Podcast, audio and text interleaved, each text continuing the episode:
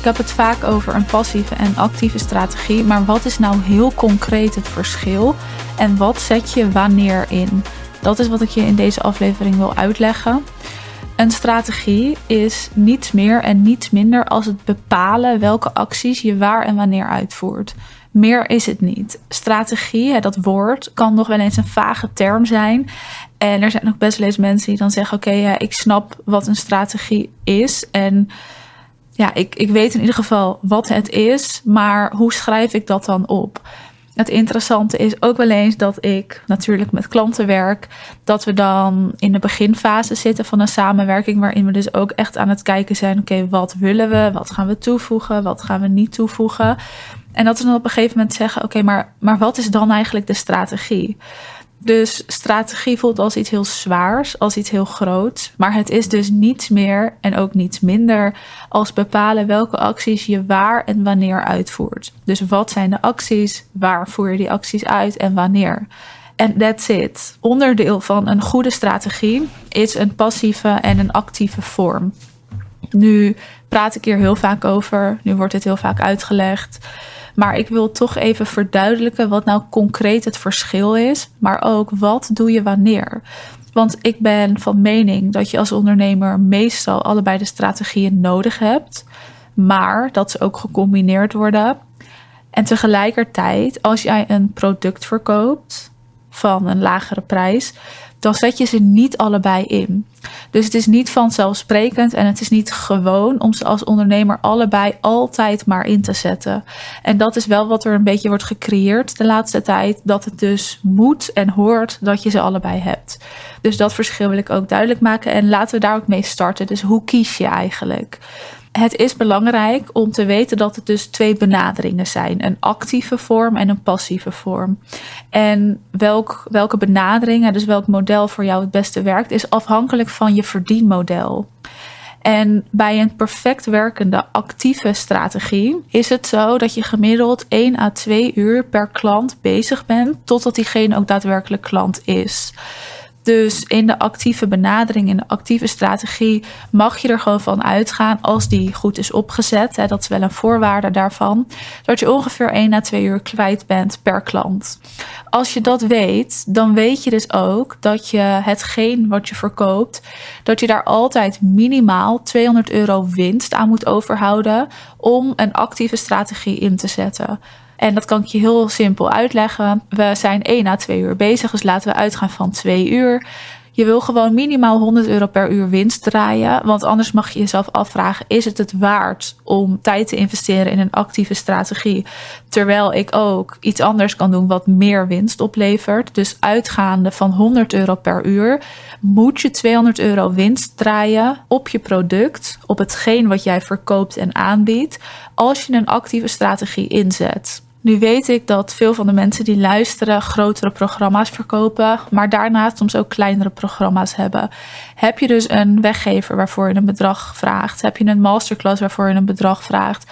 Die onder die 200 euro winst ligt, dan wil je die verkopen met een passieve strategie. Want het is je tijd niet waard om het te verkopen met een actieve strategie. En zo kun je dus heel goed onderscheid maken en ga je ook veel strategischer onderscheid maken tussen wanneer zet ik wat in voor welk product. Want je kan bij wijze van voor elk aanbod, voor elk product wat jij verkoopt, een andere strategie inzetten. Maar dit is hoe je kiest. Verkoop je dus een aanbod waarbij een klant een lager bedrag betaalt, zet je alleen passief in. Verkoop je een aanbod waarbij de winst veel hoger is, en dan zet je ook een actieve strategie in, maar ook een passieve. Dus passief kan altijd en actief, die bepaal je aan de hand van wat is de winst op het product. Een voorbeeld, ik heb mijn 1 op 1 programma, die verkoop ik actief en passief.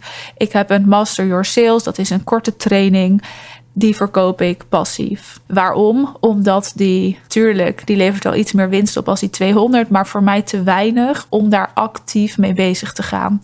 Oftewel, dat zorg ik dat de passieve strategie staat of ik besteed de actieve vorm uit. En dit is hoe je kiest. En ga dus echt na bij wat je verkoopt of een actieve strategie het waard is. Dan het verschil, nog even heel concreet actief is heel simpel, namelijk dat je direct contact hebt met je leads. En dat je meteen resultaat ziet. En die meteen resultaat is belangrijk, want we hebben het gevoel bij actief dat we alleen maar moeten DM'en of moeten bellen. Dat is niet waar. Het kan ook een live dag zijn, een live netwerkmoment zijn. Het kan story content zijn. Het kan inderdaad telefonisch contact zijn. Het kunnen alle soorten calls zijn. Het kan een live masterclass zijn. dat is allemaal een actieve vorm waarin je in direct contact staat met je potentiële klant en waar je meteen resultaat van ziet. Passief is dus indirect contact en het resultaat komt later. Voorbeelden zijn podcasten, Instagram content, werken met een weggever, een masterclass die automatisch doorloopt, dus een automated masterclass. Een live dag hangt er dan een beetje vanaf hoe je hem opvolgt. En content op gewoon social media kanalen. En e-mail funnel is hier ook een voorbeeld van.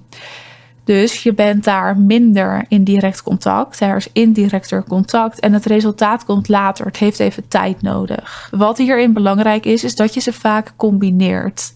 En ik ga het zo duidelijk mogelijk proberen uit te leggen. We hebben natuurlijk alleen maar audio en normaal laat ik even een voorbeeldje zien. Maar wat je wil is dat je twee strategieën opzet waarbij één de ingang is passief en één de ingang is actief. Hoe werkt dat? Als jij een actieve ingang hebt, bijvoorbeeld je werkt met een story poll, daar reageren mensen op door een polletje. Die ga jij opvolgen in de DM. Die nodig je uit voor een één op één call en daar komt een sale uit. dat is een actieve stroom. Dat is dan je basislijn. Wat er dan kan gebeuren, is dat stel jij bent in de DM in gesprek naar aanleiding van die poll, hè, actieve ingang, dat is de poll. Je bent in gesprek in de DM op Instagram. Dan kun je dus naar de één op één call. Dus dan ga je door naar actief. Maar je kan ook een zijweggetje nemen. Bijvoorbeeld iemand uitnodigen voor een training of een masterclass. En dan ga je hem in één keer passief maken omdat ze dus naar die training of masterclass gaan, dan in een e-mail funnel zullen stappen en dan pas naar een één op één call gaan. En dit is dus ook een kwestie van je sales skills op orde hebben en aanvoelen en aan kunnen voelen. Wanneer nodig ik iemand uit voor wat? Anders kan zijn met een passieve ingang, bijvoorbeeld een advertentie of een stuk content op je Instagram. Daarin promoot je een training.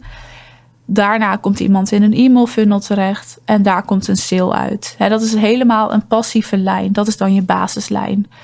Maar vanuit die training kun je ook opvolgen via de DM of telefonisch of meteen uitnodigen voor een één op één call, waardoor iemand niet meer in die e-mail funnel komt, maar in direct contact staat met jou en daar komt dan een sale uit.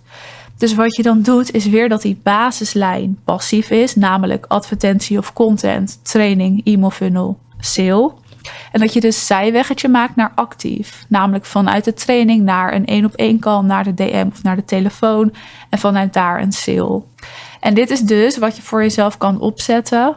Waar de ene ingang passief is en de andere ingang actief is. Dan heb je twee basislijnen die volledig passief of actief zijn. En daaronder maak je een zijweggetje. En dat is hoe een passieve en een actieve strategie werkt.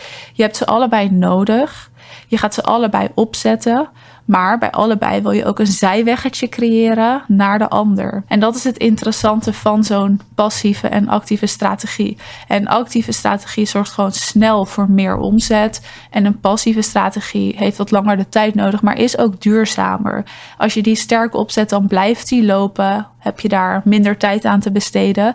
Maar heeft ook gewoon meer tijd nodig om op gang te komen. Maar ze hebben ook elkaar nodig, zoals ik dus net heb uitgelegd. En ik hoop dat dit duidelijk is. Mocht het nog te onduidelijk zijn, stuur me hier gerust een DM over. Je mag al je vragen stellen, want het is heel interessant als je dit snapt. En als je dit dus ook voor je eigen bedrijf kan opzetten. Dus denk je, oké, dit ging te snel, het was iets onduidelijk. Stuur gerust je vragen via de DM, daar geef ik gewoon antwoord op.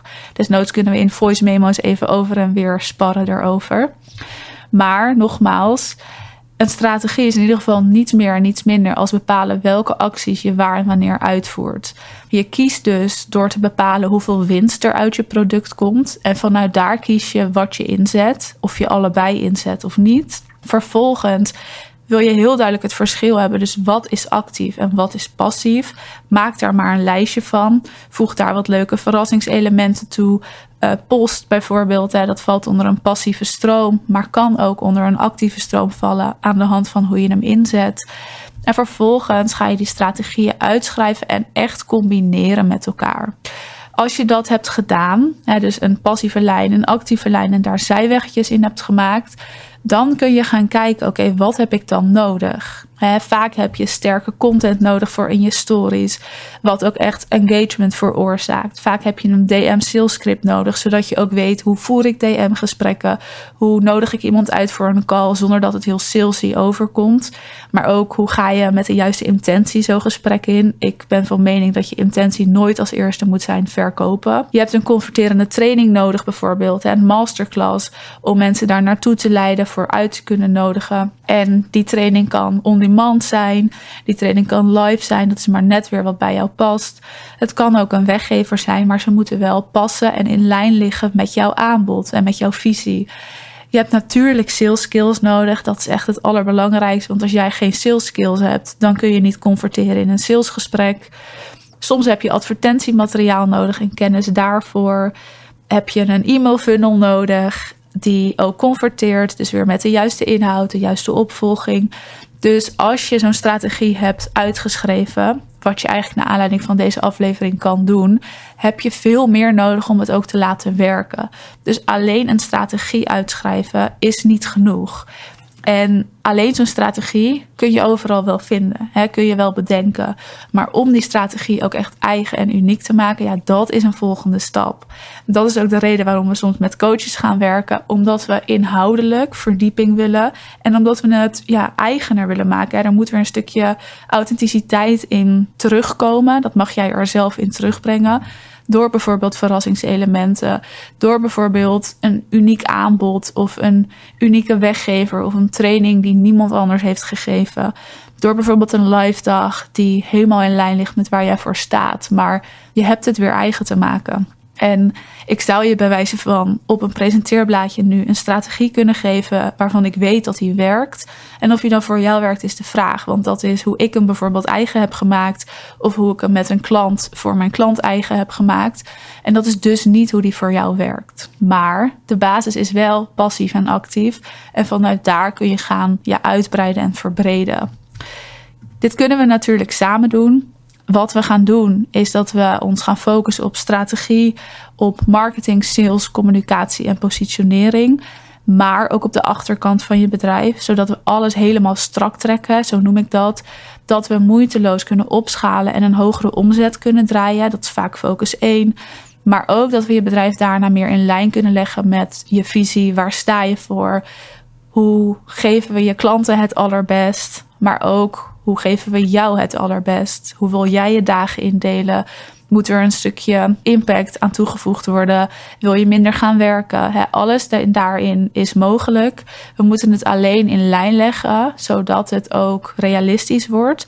Maar ook zodat het gewoon passend is bij jouw dromen, hoe jij je leven wil leven en hoe jij je bedrijf wil runnen. En daar is dus ook dat stukje authenticiteit en persoonlijkheid voor nodig. Er is gewoon helaas niet iets wat je op iedereen kan toepassen. Dus daarvoor zullen we in gesprek moeten gaan. En het moeten gaan aanpassen. Hè? Je bedrijf, je aanbod gaan verbeteren en optimaliseren. Dus wil je dit samen doen, ben je van harte welkom. Je kan een call bij mij inplannen. En dan gaan we eerst gewoon kletsen en kennis maken. En dan kunnen we vanuit daar kijken hoe verder, wat is er mogelijk. En ook ja, wat zie ik voor jou en wat raad ik je aan. Dus voel je vrij om een belletje in te plannen. Ik zet natuurlijk de link om een call bij mij te boeken in de beschrijving van deze aflevering. En dan wens ik je nog een hele fijne dag of avond.